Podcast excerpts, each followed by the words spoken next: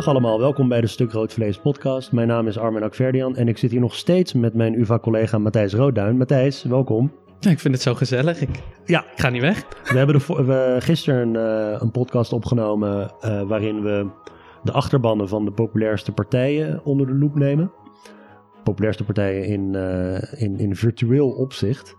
Maar jij hebt een onderzoek dat op het moment in het veld is waar jij data over hebt over de opvattingen over liberale democratie van de Nederlandse kiezer. Vertel daar, uh, vertel daar eens wat meer over. Ja, dus we, we, zijn, we, zijn bezig met een breed project. Het is een uh, interdisciplinair uh, en eigenlijk inter uh, facultair uh, project met uh, juristen, met geesteswetenschappen, met politicologen, communicatiewetenschappers, waarin we eigenlijk kijken naar democratic backsliding. Dus het, idee, het gaat, het gaat in, brede zin over, over liberale democratie en er zijn, er zijn altijd veel zorgen als het gaat over de liberale democratie in allerlei landen. Denk in, in Europa aan, aan Polen en Hongarije.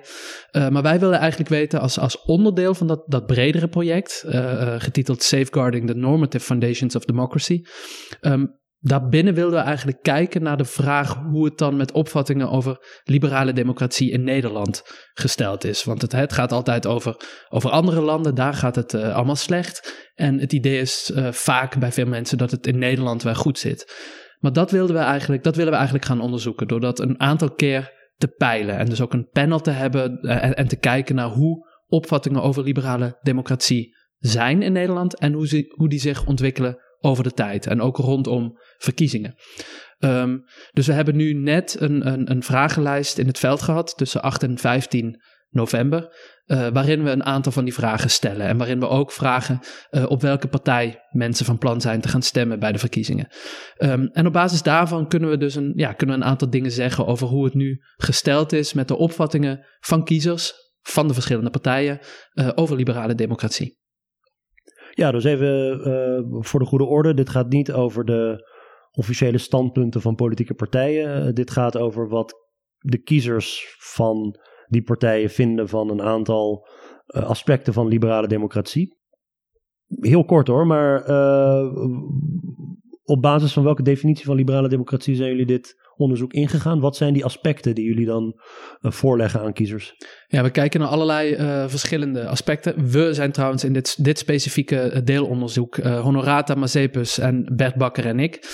Um, en we kijken naar verschillende aspecten. Dus misschien um, even, even simpel gezegd, we gaan kijken naar uh, verkiezingen. Dus verkiezingen voor, vormen natuurlijk een kernonderdeel van de liberale democratie. Maar ook uh, kijken we naar allerlei tegenmachten. Denk aan hè, dat je een, een, een, parlement nodig hebt dat, dat, dat kan controleren en dat zijn werk kan doen. Uh, denk eraan dat je een onafhankelijke rechtspraak hebt. Uh, maar we kijken ook naar allerlei vrijheden die belangrijk zijn. De vrijheid om te protesteren, de, de vrijheid van de media. Um, dus dat zijn eigenlijk allerlei verschillende componenten uh, van die liberale democratie die belangrijk zijn. Vaak als mensen denken aan democratie, dan denken ze aan verkiezingen. Maar er is natuurlijk veel meer. Uh, veel meer dat ook, ook, ook bij de rechtsstaat hoort eigenlijk. En zo'n liberale democratie kan eigenlijk alleen maar goed functioneren op het moment ja, dat je ook checks and balances hebt. Dat instituties hè, elkaar in evenwicht houden. Dat je minderheidsrechten hebt. Dat je allerlei vrijheden hebt. Um, dat zijn essentiële eigenschappen eigenlijk die een liberale democratie moet hebben. En we willen, eigenlijk, we willen weten in het onderzoek hoe burgers denken over die verschillende kerncomponenten van die liberale democratie. Ja, er zitten ook algemene vragen in. Laat ik die even heel snel behandelen. Dus bijvoorbeeld over, uh, er zit een vraag in over hoe belangrijk is het voor u dat uw land democratisch is. Ja, dat is natuurlijk zo'n vraag waarbij bijna iedereen zegt dat het heel belangrijk is. Dus uiteindelijk die absolute percentages zijn overal erg hoog. Je ziet dat, dat, uh, dat er tussen partijen een klein beetje verschillen zijn. laagste scoort eigenlijk de SGP waarvan uh, in dit onderzoek dus 77% zegt dat het belangrijk is. Um, en dat gaat dan zo naar um, percentages uh, ver in de 90 voor uh, de meeste partijen, of in ieder geval voor, voor heel veel partijen. De partijen die daar wat minder hoog op scoren zijn SGP, BBB en, en PVV, die zitten allemaal onder de 90%. Maar dit is typisch zo'n zo'n vraag waarvan de overgrote meerderheid zal zeggen: ja, het is belangrijk. En daarom is het ook belangrijk voor onderzoekers om naar specifieke componenten te vragen. Want iedereen kan invullen wat zij democratisch vinden. En, um, en klaar. Maar je ziet toch wel een klein beetje hier al de contouren zich aftekenen van wat je later, eh, van wat je later ook ziet. Ehm, tevredenheid met het functioneren van democratie. Uh, ja, dat, daar zie je ook heel duidelijk dat dat partijen zijn waar, ja, waar de kiezers wat wantrouwender zijn, die ook ontevreden zijn met de manier waarop democratie werkt. Um, maar daar zitten ook geen hele grote verrassingen bij, uh, wat mij betreft. Um, maar dat is een, een, hele klassieke vraag die ook in heel veel politicologische onderzoeken wordt, wordt gesteld. Hoe tevreden met u, bent u met de manier waarop de democratie werkt? Um, ja, het mooie is natuurlijk, dus wel hier, hier, zie je al, hier zie je wel veel meer verschillen al. Hè? Dus Enorme verschillen tussen partijen, absoluut. Een beetje hetzelfde als je met vertrouwen ook ziet. Ja, ja dus die, die eerste vraag, dat gaat echt het belang van de democratie zelf. Dat, ja, dan zie je bijna dat dat bijna unaniem dat kiezers vinden dat het inderdaad heel belangrijk is. Maar als je ze dan iets specifieker gaat vragen, hoe tevreden ben je dan met het functioneren van die democratie in Nederland? Dan zie je in één keer dat er, uh, ja, dat er wel behoorlijke verschillen zijn. En eigenlijk wat wij een beetje willen doen in dit onderzoek is ja, ook uitwerken, uh, eigenlijk ontdekken waar dan, ja, waarom bepaalde mensen dan ontevreden zijn en waarom andere mensen tevreden zijn. Uh, dat is eigenlijk wat we, wat we voor een groot deel proberen te doen. En misschien goed om nog even te benadrukken, dus um, de, kiezers die zijn het um, in hele sterke mate met elkaar eens dat het belangrijk is dat we een democratie hebben. Um, ook als het gaat om verschillende componenten van die liberale democratie uh, bestaat er heel veel overeenstemming. Uh, als je bijvoorbeeld gaat vragen naar, um, nou, iedereen vindt, vrijwel iedereen vindt dat burgers het recht moeten hebben om hun volksvertegenwoordigers te kiezen door middel van vrije en eerlijke verkiezingen. Daar is iedereen het vrijwel mee eens. Of dat rechtbanken iedereen gelijk moeten behandelen. Um, of dat oppositiepartijen vrij moeten zijn. Dat zijn allemaal zaken waar kiezers van, uh, van eigenlijk alle partijen het, het overgrote meerderheid mee eens zijn. Maar er zijn andere onderdelen waar kiezers wel echt uh, van elkaar verschillen. Of waar de kiezers van verschillende partijen echt duidelijk van elkaar verschillen. Um, waar zullen we mee beginnen? Nou, ik denk dat het uh, met het oog op de huidige campagne. Uh, waarin toch die premiersvraag en ook NSC en omzicht als een parlementaire tegenmacht voor een regering. laten we die, die paar vragen nemen die een beetje daarop inzoomen. Eentje is, de stelling is, het hebben van een sterke leider in de regering is goed voor Nederland, zelfs als de leider de regels buigt om dingen gedaan te krijgen. Dus het hebben van een sterke leider in de regering uh, is goed voor Nederland. In de regering staat er. Niet een algemeen politiek leider, maar het hebben van een sterke leider in de regering. En zelfs als die leider dan ja. een beetje de regels moet buigen. Maar ja, Matthijs. Nou, ja, wat zien we? Vanuit een uh, liberaal-democratisch oogpunt hoop je dat kiezers het hiermee oneens zijn. Hè? Want uh, je wil niet dat er een leider in de regering is die de, de regels naar uh, zijn of haar hand kan zetten. Want die regels zijn er niet voor niets. Um, ja, je ziet dat, een, uh, dat, dat bij verschillende, bij best wel wat partijen, meer dan 50% het hier inderdaad mee oneens is. Dan hebben we het over partijen als sorry, de kiezers van die, van die partijen dan. dan hebben we het over D66, de kiezers van de ChristenUnie, de, de kiezers van GroenLinks, PvdA, de kiezers van Partij voor de Dieren en de kiezers voor, van Volt. Die zijn er eigenlijk, in, in, in, meerderheid zijn zij het met deze stelling eens.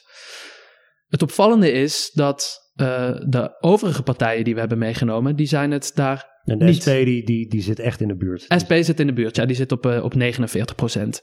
SGP op 46 procent, ja. ook nog enigszins. Maar dan krijgen we een hele trits partijen die het uh, veel minder sterk daarmee oneens zijn. Um, dat zijn de BBB, uh, Nieuw Sociaal Contract, CDA, VVD en PVV. En wat dus hier is ongeveer van de, van de kiezers van CDA, van NSC en van BBB, daar is ongeveer een derde het ermee oneens. Um, en als je gaat kijken naar de kiezers van de PVV en de VVD, daar is, daar is minder dan een kwart het ermee oneens. Dus dan zie je wel echt hele grote verschillen tussen partijen. En ik vind het heel erg opvallend dat met name kiezers van VVD en CDA het in zo'n, ja, zo weinig eigenlijk, zo, zo, zo niet sterk daarmee oneens zijn met die stelling. Ja, bij de VVD zou ik denken, ja, die hebben 13 jaar een leider gehad die af en toe de regels buigt om dingen gedaan te krijgen. Uh, dat die hierbij horen, denk ik, ja, oké. Okay. Um, maar het, het, is frappant dat NSC hier ook bij zit. Want Zeker. Um, omzicht wil de nadruk juist liggen, uh, weg van de regering. Ja. De regering moet uitvoeren. Ja. En het moeten allemaal grijze, soort van technocratische muizen zijn. Het politieke en, en, en, en de slagkracht. En dat moet in het parlement. Ja. Dat, eh, dat zijn zijn kiezers het blijkbaar niet helemaal met hem eens. Als je naar deze figuur gaat kijken. Ja, er is een andere uh, stelling die dit eigenlijk nog duidelijker bevraagt. En die stelling is: als de Tweede Kamer het werk van de regering belemmert, moet het worden genegeerd. Ja, dus moet die Kamer worden genegeerd, ja. Ja, en dat is juist, hier is natuurlijk ook, uh, als we het even, uh, heel even nog over omzicht hebben. Dit is natuurlijk precies uh, waar omzicht het heel sterk mee oneens is. Want hij vindt juist dat de Tweede Kamer een luizende pijls moet zijn voor de regering. De Tweede Kamer, dat is de kern van onze politiek. De Tweede Kamer, die moet, ja, die moet heel machtig zijn en die moet de regering controleren. Um, ja, wat, wat, wat, wat, is, wat valt jou het meest op als je naar deze uh, verdeling kijkt? Nou ja, de, vrijwel alle partijachterbannen zijn het hiermee oneens dat de Tweede Kamer niet moet worden genegeerd. Ja. En NSC-kiezers ook, die zijn het ermee oneens. Alleen de achterban van andere partijen nog veel sterker. Op, op, op dit thema profileert de NSC-kiezer zich totaal niet. Nee. Uh, het is een beetje grijze middenmoot. De partijen die het meest voor dualisme in deze zin zijn, partijachterbannen, zijn die van Volt en die van GroenLinks Partij van de Arbeid en D66. Uh, hè, dus um, kijk, uh, bij dit soort enquêteonderzoek, wat, wat mij altijd helpt, is wel de herinnering dat stellingen kunnen op allerlei manieren worden geformuleerd. En um, de manier waarop je het formuleert maakt uit voor de, de, de rechte tellingen die we krijgen, de absolute percentages. Waar het hier natuurlijk om gaat en waar, waar ik naar kijk, en, en, en jullie ongetwijfeld ook, is de verschillen tussen partijen, dus de relatieve percentages. En niet alleen maar met één stelling, want één stelling kan, um, ja, kan afwijken. Jullie hebben een trits aan stellingen. En dan komen we helemaal op het eind komen we natuurlijk over te spreken van wat is nou het algemene beeld. Dus we zullen nooit een, een algemeen beeld uh, op. Ja, we zullen nooit overgeneraliseren. Ik denk dat de kracht van enquêteonderzoek is die, die relatieve verschillen en uh, het aggregeren van heel veel verschillende informatie over verschillende vragen. Dus dat even als een grote disclaimer. Uh, maar we gaan dit gewoon bij heel veel andere onderwerpen ook zien. Dat het is niet zo dat die NSC-kiezer nou bijzonder autoritair is. Um, maar wel dat het niet de achterban is die net als in ieder geval hun lijsttrekker op de bres staat voor de democratische rechtsstaat. Nou, in hoeverre om zich dat zelf doet, moet nog maar blijken. Maar um, ja, dat, dat vind ik heel opvallend. Ja, nee, absoluut. En um, je ziet hier ook, hè, dus je kunt eigenlijk een onderscheid maken tussen. Um, je hebt drie, uh, de kiezers van drie partijen die echt heel erg het hiermee oneens zijn. Dus echt aan de heel sterk liberale democratiekant staan. Dat zijn de kiezers van D66, GroenLinks, PvdA en Volt. En je hebt de kiezers aan de andere kant die het in, uh, niet in meerderheid met deze stelling oneens zijn. Dat zijn de kiezers van PVV, de Boer-Burgerbeweging en uh, opnieuw hier weer het, uh, het CDA. dat vond ik, ook, vond ik ook erg opvallend. En daartussenin heb je dus heb je inderdaad een hele trits partijen die er, die er niet echt uitspringen. Um, en Nieuw Sociaal Contract, de kiezers daarvan, ja, is, is, is een van die groepen. En dat is natuurlijk wel heel opvallend, omdat um, voor omzicht is die democratie, is dat nieuwe goede bestuur, is misschien wel het kernthema. Dat is iets wat hij zo sterk benadrukt telkens. En hier zie je dat er een heel duidelijk ja, verschil is eigenlijk met hoe hij daarover denkt en uh, hoe zijn kiezers over dit onderwerp nadenken. Ja, en dit thema zien we ook gewoon bij, bij andere van die vragen over bijvoorbeeld onafhankelijke rechters, uh, dat die dus de beslissingen van democratisch gekozen regeringen terzijde kunnen schuiven. Als deze beslissingen de rechten van individuen of groepen in de samenleving schenden. Nou ja, dat is zo'n beetje de, de belangrijkste component van de, van, van de constitutionele tak van liberale democratie. Het, het maakt niet uit hoeveel mensen het eens zijn met uh, alle moskeeën moeten sluiten. Uh, er zijn grondrechten die dat tegengaan op basis van de vrijheid van geloof. dus dat gaat gewoon niet gebeuren. Punt. Als je wel wil dat het gebeurt, heb je supermeerderheden nodig om de grondwet te wijzigen en om uit verdragen te stappen en weet ik veel wat. Dat is een optie die niet op tafel ligt. Um, en omzicht, die wil een constitutioneel hof. Een constitutioneel hof zal, denk ik, uh, mocht dat ooit komen, het gezicht worden van dit soort Mhm. ja, het terugfluiten van wetten die door een democratisch gekozen parlement eh, wel zijn goedgekeurd, maar niet door de beugel kunnen. En ehm, nou ja, je ziet hier wel dat eh, grote meerderheden van kiezers het hiermee eens zijn. Maar relatief gezien eh, zie je weer dat je voor de meeste steun voor die onafhankelijke weg- rechtspraak moet zijn bij de achterbannen van D66, Volt, GroenLinks, Partij van de Arbeid, CU. En eh, NSC die bevindt zich wederom niet helemaal aan een van die uitersten, maar ergens in het midden. Ja, en ook eh, vind ik hier ook weer opvallend dat, ehm, dus eh, inderdaad het andere uiterste, daar zitten de kiezers van de PVV, SGP, maar ook weer de VVD. Ja, Ehm, dus dat, dat, ja, het, het, het blijft wel opvallend dat, die, ehm, dat onze traditionele middenpartijen, die toch eigenlijk, waarvan je zou hopen dat ze de liberale democratie hoog in het vaandel hebben, dat hun kiezers niet altijd opvattingen hebben die daarmee stroken. Of in ieder geval in mindere mate dan kiezers van een hoop andere partijen. En laten we het staatsrechtelijk geweten van, eh, van de Tweede Kamer niet vergeten, hè? de SGP. eh, die, eh, die hier ook veel minder hoog scoren, Ja. de achterban van de SGP, dan de achterbannen van andere partijen. Ja. ja, ik heb dat vaker gezegd. Het potsierlijke idee dat de SGP het staatsrechtelijk geweten van de Kamer is, dat, daar moeten we echt vanaf. Ehm maar ja, goed, onafhankelijke rechtspraak. In ieder geval, kijk, er zijn grote meerderheden eh, van Nederlandse kiezers het mee eens. Een andere eh, stelling hierop voortbordurend is eigenlijk van, eh, ja, wat moet nou de EU doen op het moment dat lidstaten de rechtsstaat schenden? Je had het net over Polen en Hongarije, daar is ontzettend veel discussie over of de EU tandeloos is ten opzichte van hun eigen leden. Ze kunnen natuurlijk eh, aspirantleden buiten de deur houden met allerlei dreigementen op het moment dat landen lid zijn. Dan is het veel moeilijker om, eh, om, om lidstaten tot de orde te roepen. De stelling is, de Europese Unie moet het recht hebben om fondsen van de Nederlandse regering in te trekken als de regering de rechtsstaat schendt. Hier gaat het dus nadrukkelijk niet over wat de EU bij andere landen moet doen, want dat is makkelijk praten misschien. Maar wat nou als de Nederlandse regering de, eh, eh, de rechtsstaat schendt? Eh, zouden wij dan ook minder geld moeten krijgen uit, uit Brussel? Wat ik eigenlijk wel een hele mooie stelling vind. Ehm, Wat zien we daar? Nou, hier zien we eh, dat, dat een aantal partijen, of de kiezers van een aantal partijen, is het hier eh, overduidelijk mee, eh, mee eens. Hè? Dus, dus, dus zijn het ermee eens dat de EU maatregelen moet kunnen nemen als de Nederlandse regering de rechtsstaat schendt. Dat zijn de kiezers van, ehm, van de ChristenUnie, van de Partij voor de Dieren, D66, GroenLinks, PvdA en Volt. Eigenlijk voor een groot deel weer datzelfde rijtje als we eerder bespraken. De kiezers van alle andere partijen ehm, eh, zijn het hier niet in meerderheid mee eens. Um, en we zien vooral uh, dat de uh, kiezers van partijen als de PVV en de BBB het hier in sterke mate mee, of het in veel sterkere mate mee oneens zijn. Um, en een interessante plek is hier opnieuw, wordt hier opnieuw ingenomen door de kiezer van NSC. 43% is het met deze stelling eens en 34% is het daarmee oneens.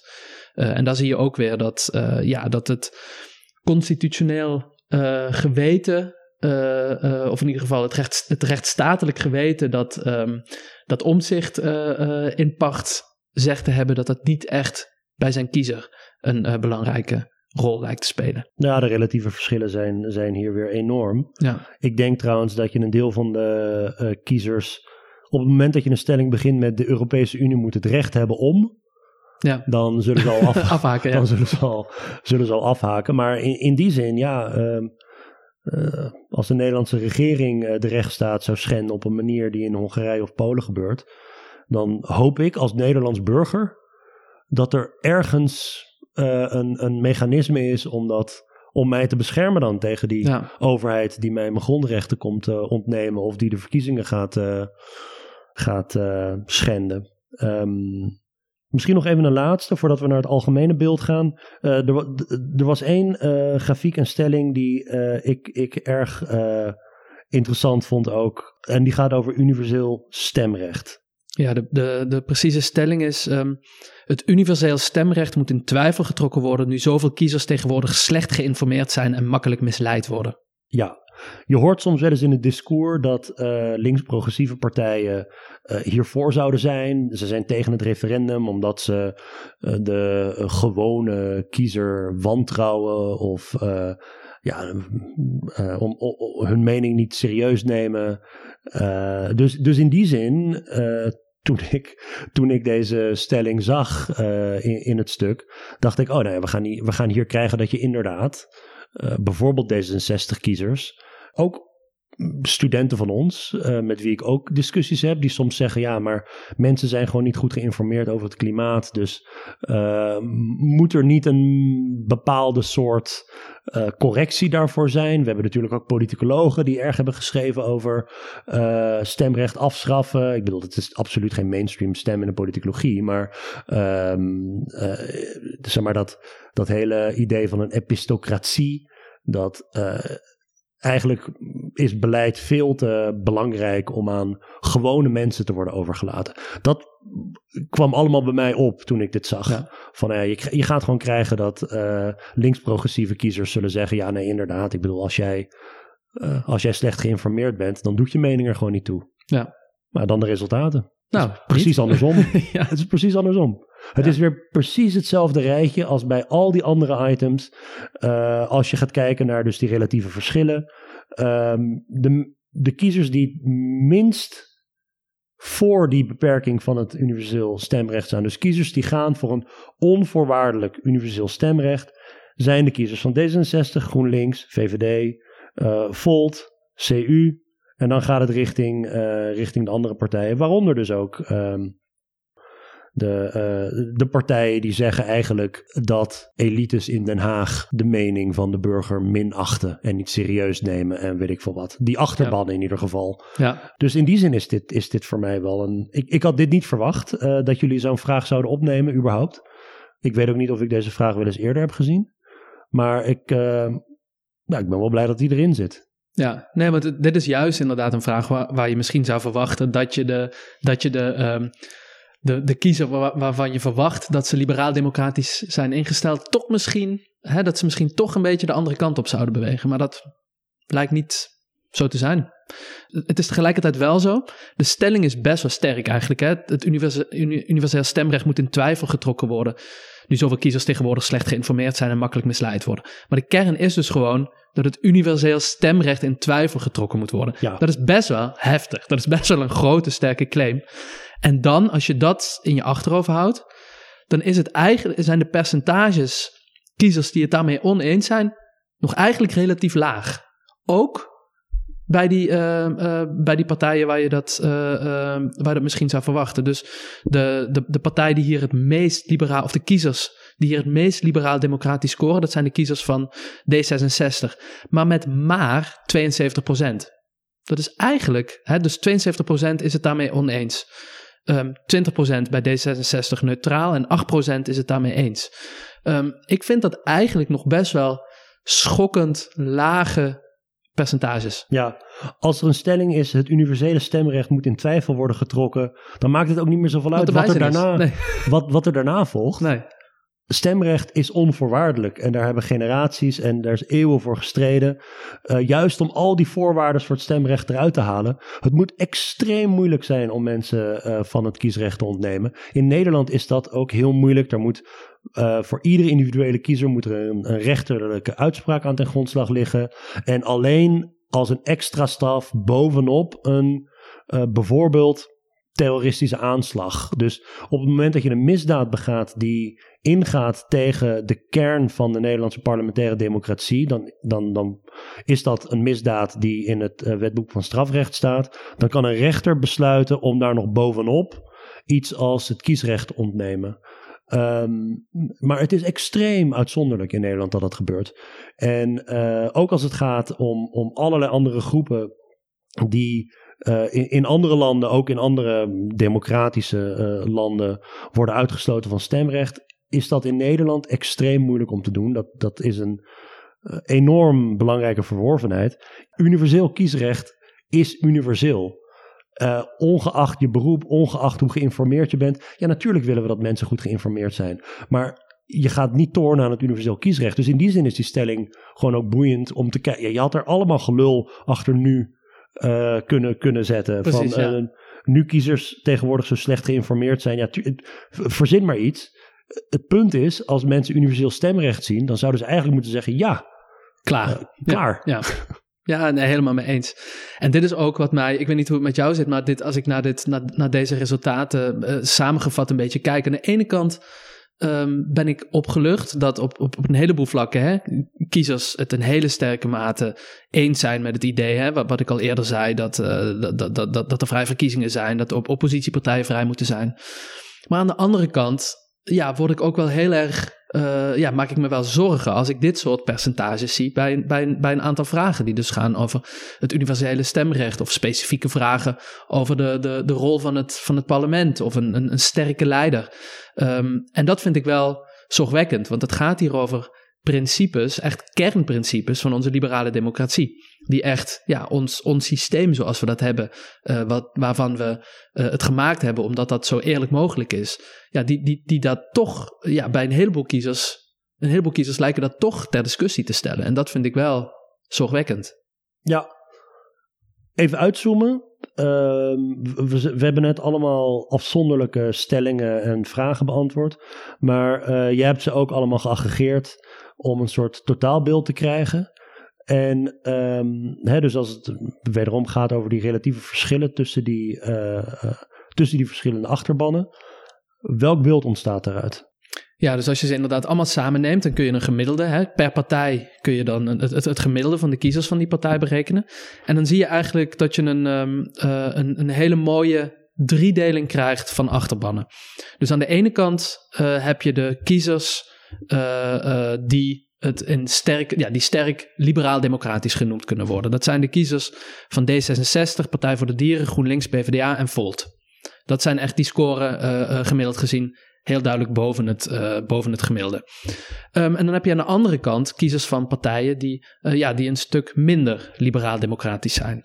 Uh, dat zijn de kiezers van de SGP, de BBB, de PVV en ook de VVD. Um, en dan hebben we een middengroep. kiezers van partijen als NSC, CDA, ChristenUnie en SP. Dus je krijgt echt een hele duidelijke driedeling in uh, kiezers van partijen die ja, de liberale, liberale democratie gunstig gezind zijn, uh, kiezers die dat een stuk minder zijn en kiezers die dat tussenin zitten. Um, en wat ik heel opvallend vond toen ik naar deze indeling eigenlijk keek, uh, was dat je ziet dat het precies dezelfde manier is waarop kiezers zich tot elkaar verhouden als het gaat om, als het gaat om immigratie. Of als het gaat om klimaat. Of als het gaat om een iets mindere mate politiek vertrouwen. Um, en dat is, ja, dat, dat vond ik dus wel heel opvallend, omdat het erop lijkt te wijzen dat opvattingen over onze liberale democratie en over onze rechtsstaat, alsof die ook, um, alsof dat soort opvattingen ook in die culturele dimensie gezogen worden. en dat zijn natuurlijk opvattingen waarvan je hoopt dat ze niet onderdeel worden van, van die culturele conflictdimensie. Ja, absoluut. Het is een heel uh, politiek, uh, blijkbaar een heel gepolitiseerd thema. Ik bedoel, het, het is een beetje, een beetje goedkoop om, om te zeggen, zoals Jezelgus doet, ja, Geert Wilders, daar willen we niet mee samenwerken, maar zijn achterban sluiten we niet uit. Um, de liberale democratie is veel te belangrijk om, om op die manier als een soort van onderhandelings. Uh, als een bargaining chip op tafel te liggen bij, bij onderhandelingen. Dat is. Uh, dus in die zin. Ja, wanneer je ziet dat bijvoorbeeld zo'n orde van advocaten een rapport uitbrengt. waarin veel van deze partijen, als het gaat om een verkiezingsprogramma. ook rood scoren. En je ziet dat ook terug in de achterbannen. Ja, denk ik dat we daar uh, wel echt een hoop werk nog moeten verzetten. Om mensen ook het belang van grondrechten tegen bijvoorbeeld een overheid en vrijheden. Uh, hoe, hoe, belangrijk het is dat je, ja, dat je die niet zomaar politiseert. Ja, en hier zie je dus precies wat je zegt, die, die samenhang tussen wat de, de, resultaten van de Orde van Advocaten, als het gaat om verkiezingsprogramma's en ideeën over de rechtsstaat en over liberale democratie, over vrijheden. Um, dat je dat dus precies op die manier eigenlijk ook terugziet bij, bij kiezers. En ik denk dat ehm, als we nu naar deze verkiezingen kijken, dat, dat Omzicht hier wel echt een hele belangrijke rol in speelt en gaat spelen. Want hij is natuurlijk iemand die, ehm, die ja, die een hele sterke nadruk legt op rechtsstatelijkheid, die uh, de democratie wil, wil verbeteren. Uh, Omtzigt is, is, is iemand die het, die het heeft over, het, uh, over, over een constitutioneel hof, die het heeft over het versterken van de rol van het parlement ten opzichte van de regering. Um, en ik vind het heel opvallend dat er wat dat betreft dus echt een frictie is met, of dat er een heel duidelijk verschil is met wat zijn potentiële kiezers van dit onderwerp vinden. En ik hoop heel erg dat hij zich um, principieel uh, blijft, gaat opstellen als het straks komt om het formeren, aankomt op het formeren van een regering en over co coalitieonderhandelingen.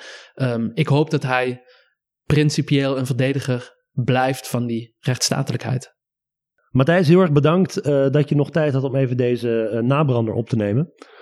Uh, ja, dit wordt gepubliceerd op de dag van de verkiezingen. Ik denk dat we uh, daarna uh, ongetwijfeld een podcast zullen opnemen waarin we de verkiezingsuitslag zullen proberen te, uh, te duiden en te verklaren. Maar wanneer ik die opneem en wanneer die online komt, ik denk dat het na het weekend wordt. Want, eerst maar eens even bijslapen. Nou ja, ik, ik, ik vind het ook fijn om eerst even het allemaal te laten bezinken. Dan ja. meteen op verkiezingsavond iets, iets op te nemen. Maar uiteraard gaan we een, een lange soort van postverkiezingsaflevering opnemen. Uh, waarin we kijken wat de Nederlandse kiezer nu weer heeft bedacht. Uh, heel veel dank voor het luisteren. Uh, like, comment, subscribe en de hele mikmak. tot de volgende keer.